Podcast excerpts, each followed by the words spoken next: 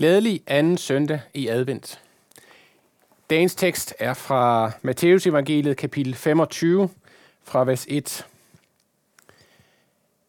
Der skal himmeriget ligne ti brudpiger, som tog deres lamper og gik ud for at møde brudgommen.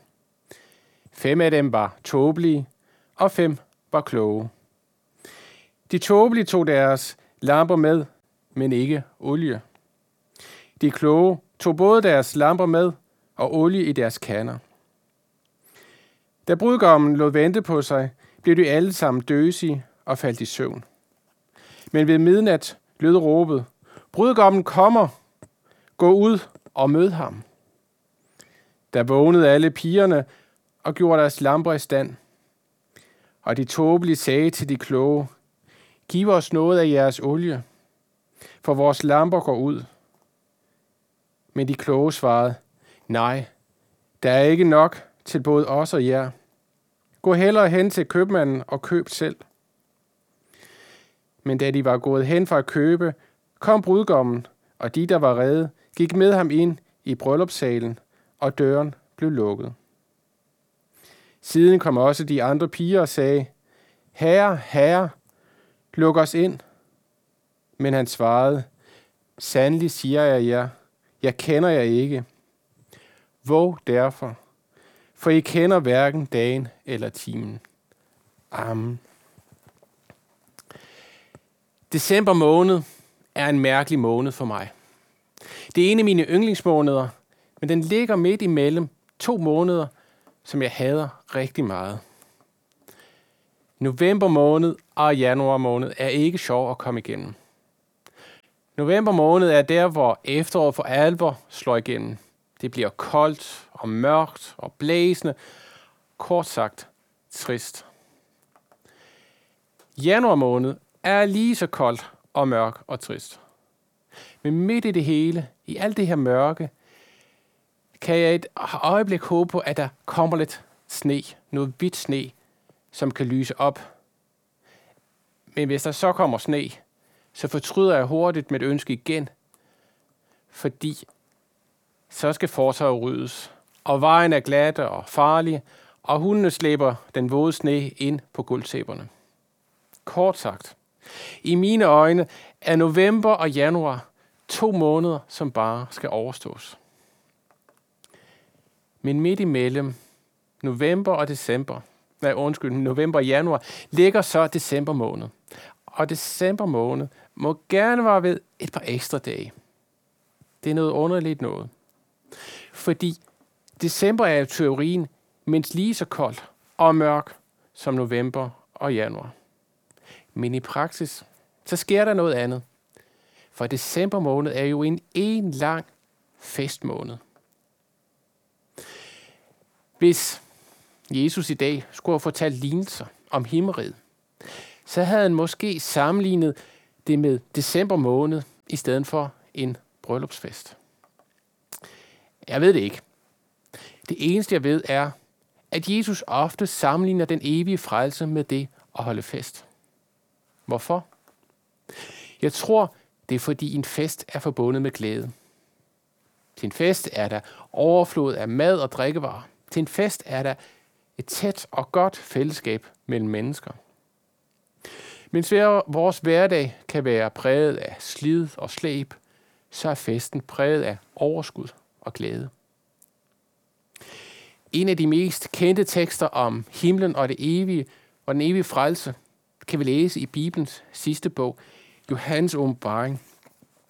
I et af de sidste kapitler, kapitel 21, så kan vi læse om frelsen, den evige frelse på den her måde.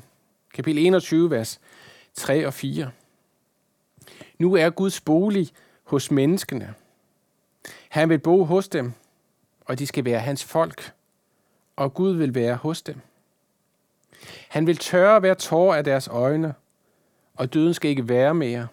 Ej heller sorg, ej heller skrig, ej heller pine skal være mere. Til det, der var før, er forsvundet. Nogle fantastiske vers. Men i begyndelsen af gudstjenesten i dag læste vi jo nogle vers, som ligner på mange måder. Vi læste nemlig ordene fra profeten Esajas, kapitel 11. Profeten Esajas levede cirka 700 år før Jesus og forudsagde, hvordan Jesus skulle komme. Men han havde ikke rigtig forståelse for forskellen mellem det første og andet komme. Så i kapitel 11, der profeterer Esajas sådan en blanding af både Jesu første komme og anden komme. Men vers 6-9 er klart om Jesu andet komme, om det evige liv. Og hvad står der? Ulven skal bo sammen med lammet, panderen ligge sammen med kidet, kalv og ungløve græsser sammen, en lille dreng vogter dem. Konen og bjørnen bliver venner, deres unger ligger sammen, og løven æder strå som oksen.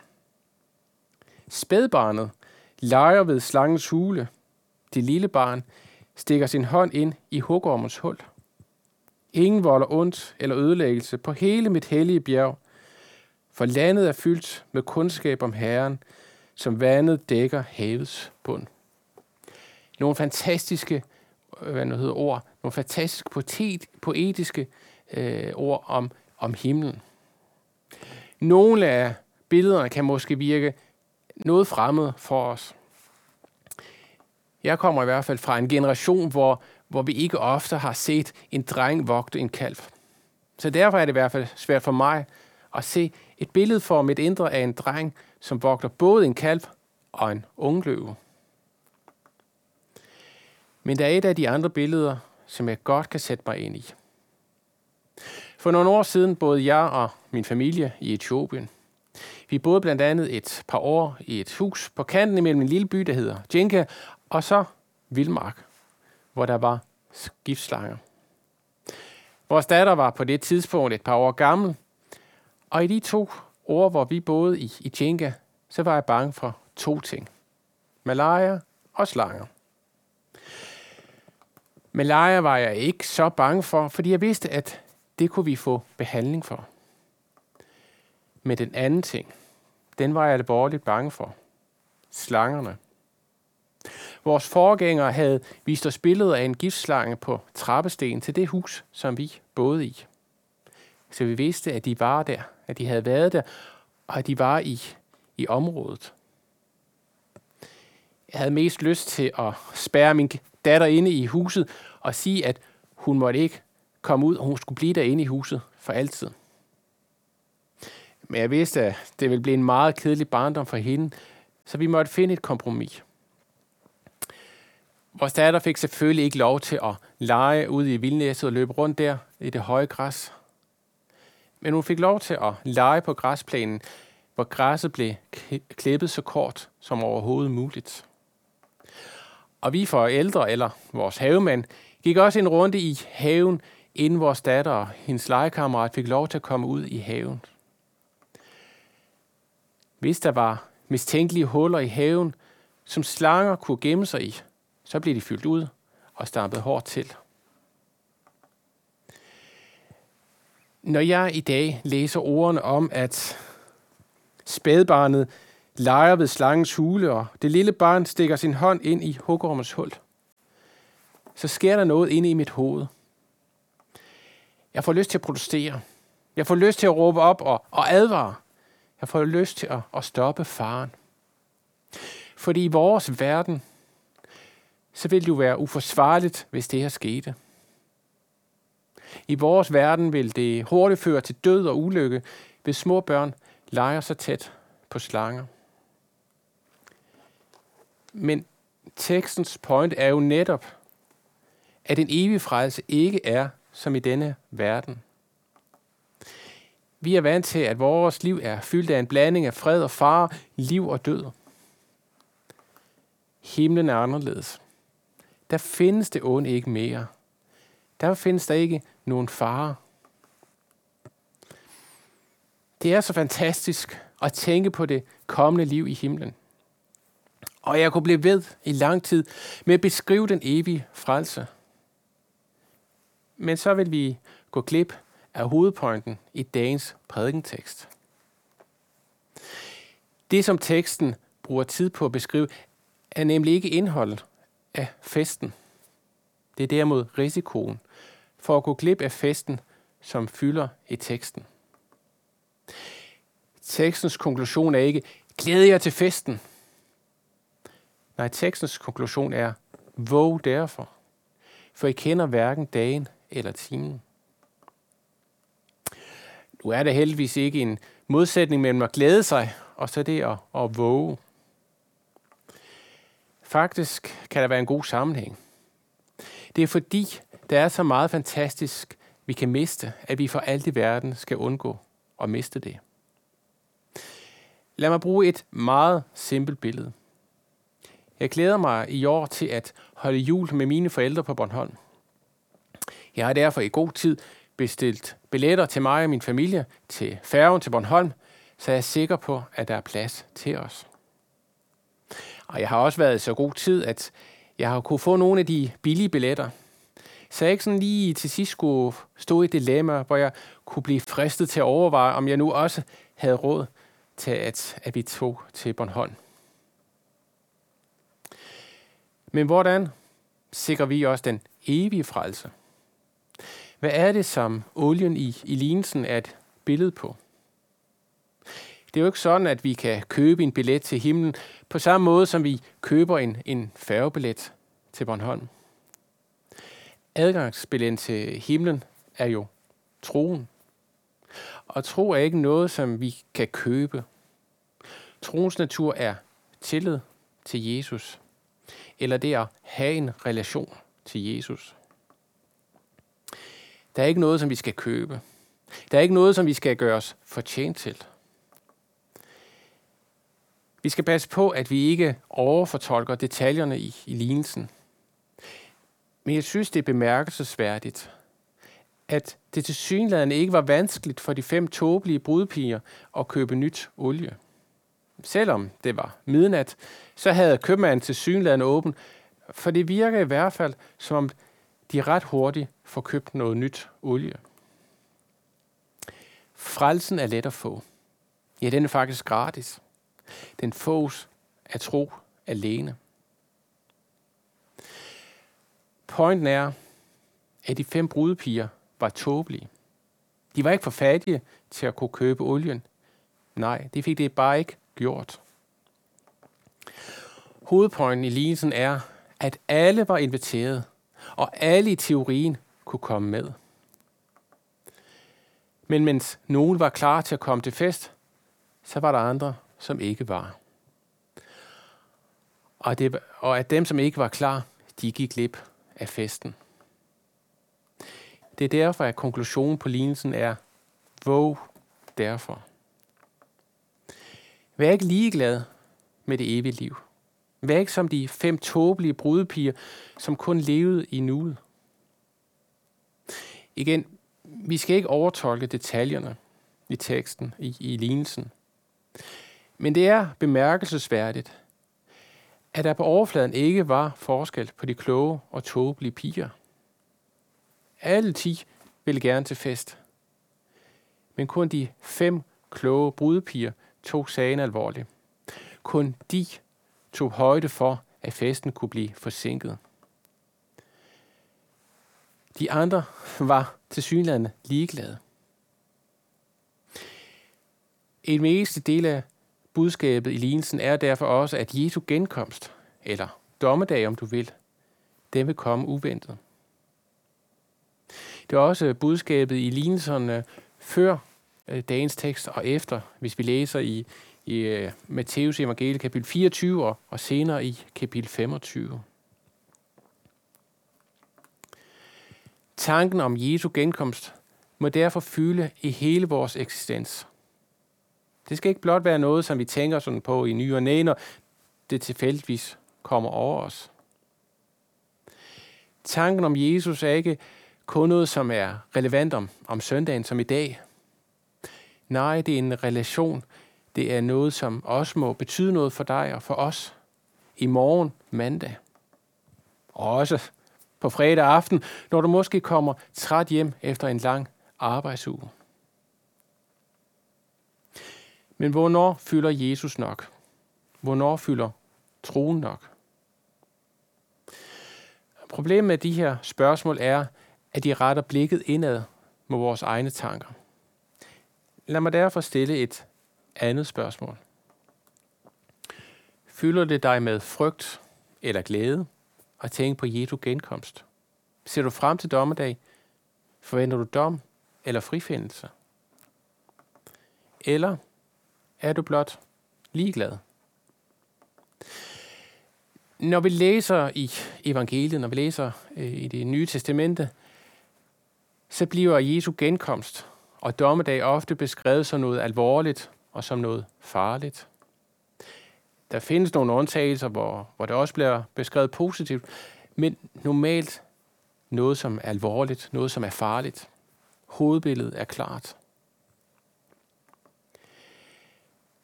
For Jesu genkomst er en alvorlig sag. Der er en evighed på spil. Der skal afsige sin dom til den frelse og frifindelse, eller til fortabelse og fordømmelse. Her i adventstiden er det lidt underligt at skulle prædike om fortabelse og fordømmelse. Kan vi ikke for en tid glemme den her sag?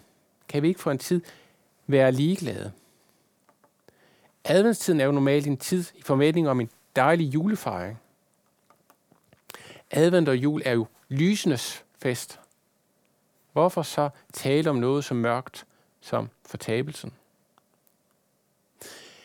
Når vi her i december måned glæder os over lysene, så er det netop fordi, der er så meget mørke omkring os. En del af glæden over evangeliet er jo netop, at vi slipper fri af fortabelsen. At vi er gået over fra døden til livet. Eller for at blive det poetiske sprog, vi går over fra mørket til lyset.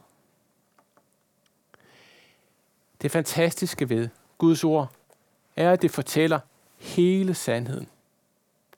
Det skjuler ikke den frygtelige fare ved fortabelsen. Gud ønsker at advare os mod en evighed borte fra hans kærlighed. En evighed under Guds vrede over synden. Gud vil hellere give os alternativet. Livet i himlen. Den evige fest. Derfor er det farligt for dig, hvis du er ligeglad. Derfor er det farligt, hvis du ikke ønsker at være beredt. For så er du som de fem tåbelige brudepiger, som kommer til at gå klip af festen. Men hvis du derimod tænker med frygt på dommedag, så er du ikke i samme fare. For så kan du forberede dig. Så kan du høre evangeliet og tage imod det. Hør her. Centrum for Bibelen er ikke loven og advarslen mod fortablen. Centrummet i evangeliet er frelsen. Evangeliet, som indbyder os til festen i himlen. Hvor kravet blot er at tage imod. Men hvordan tager man imod? Præster taler ofte om at tro på Jesus. Hvad vil det sige i praksis? Jesus stiller ikke store krav. Lad os læse nogle vers fra Lukas evangeliet, kapitel 23. Det er en tekst om Jesu korsfældelse. Jesus hænger på korset, og på hver side af ham hænger to røver. Og så står der i, i Lukas evangeliet kapitel 23 fra vers 39. Den ene af forbryderne, som hang der, spottede ham og sagde, er du ikke Kristus? Frels dig selv og os. Med den anden satte ham i rette og sagde, Frygter du ikke engang Gud? Du, som har fået den samme dom, og vi har fået den med rette. Vi får kun løn som forskyldt, men han har intet ondt gjort. Og han sagde, Jesus, husk mig, når du kommer i dit rige. Og Jesus sagde til ham, Sandelig siger jeg dig, i dag skal du være med mig i paradis. Vi møder to røver. Den ene er ligeglad med Jesus. Ja, han spotter Jesus. Den anden røver derimod er ikke ligeglad med Jesus. Han tager Jesus så alvorligt, at han ikke engang tør håbe på frelse. Han er bange. Han frygter Gud. Han er bange. Han tør ikke tro og håbe på frelse. Han tør kun spørge om en lille ting. At Jesus vil tænke på ham, når de begge to er døde. Er det virkelig tro? Hør her. Det vigtigste er ikke troens styrke eller troens kvalitet. Det vigtigste er troens retning. Eller måske retter håbets retning. Røverens lille tro eller lille håb var nok til, at det blev en frelsende tro. Hvis du derfor i din frygt for dommedag, i din frygt for Gud, vender dig til Jesus, så skal du vide, at du skal møde Jesus i paradiset sammen med den her anden røver. Frelse er nemlig noget, som vi får gratis af noget. Frelse er noget, som vi får som en gave. Og Gud ønsker at give os den her gave, som forældre giver gaver til deres børn her til jul. Uden forventning om noget til gengæld. Kun med kærlighed som begrundelse. Vi, der knap kan tro, men alligevel våger og håbe på en sådan frelse. Vi har derfor al mulig grund til at glæde os til fremtiden.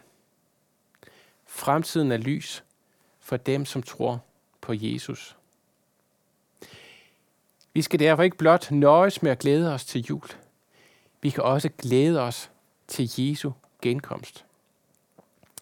Lad os derfor bruge adventstiden til at glæde os til Jesu genkomst. Lad os bede. Hellige almægtige træne i Gud, vi takker dig for den her tekst, som vi har været sammen om nu. Takker for, at du igennem den her tekst advarer os. Men tak også fordi, at du først og fremmest ønsker os og inviterer os til en fest. Til det evige liv, til frelsen, den evige frelser. Tak fordi, at vi får lov til at modtage den her frelse at tro alene som en gave.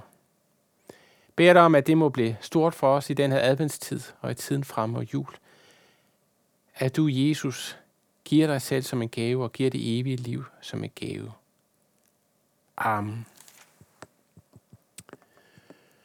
Modtag velsignelsen. Herren velsigne dig og bevare dig. Herren lader sit ansigt lyse over dig og være dig nådig. Herren løfter sit ansigt mod dig og giver dig fred. I faderens og søndens og helligåndens navn. Amen.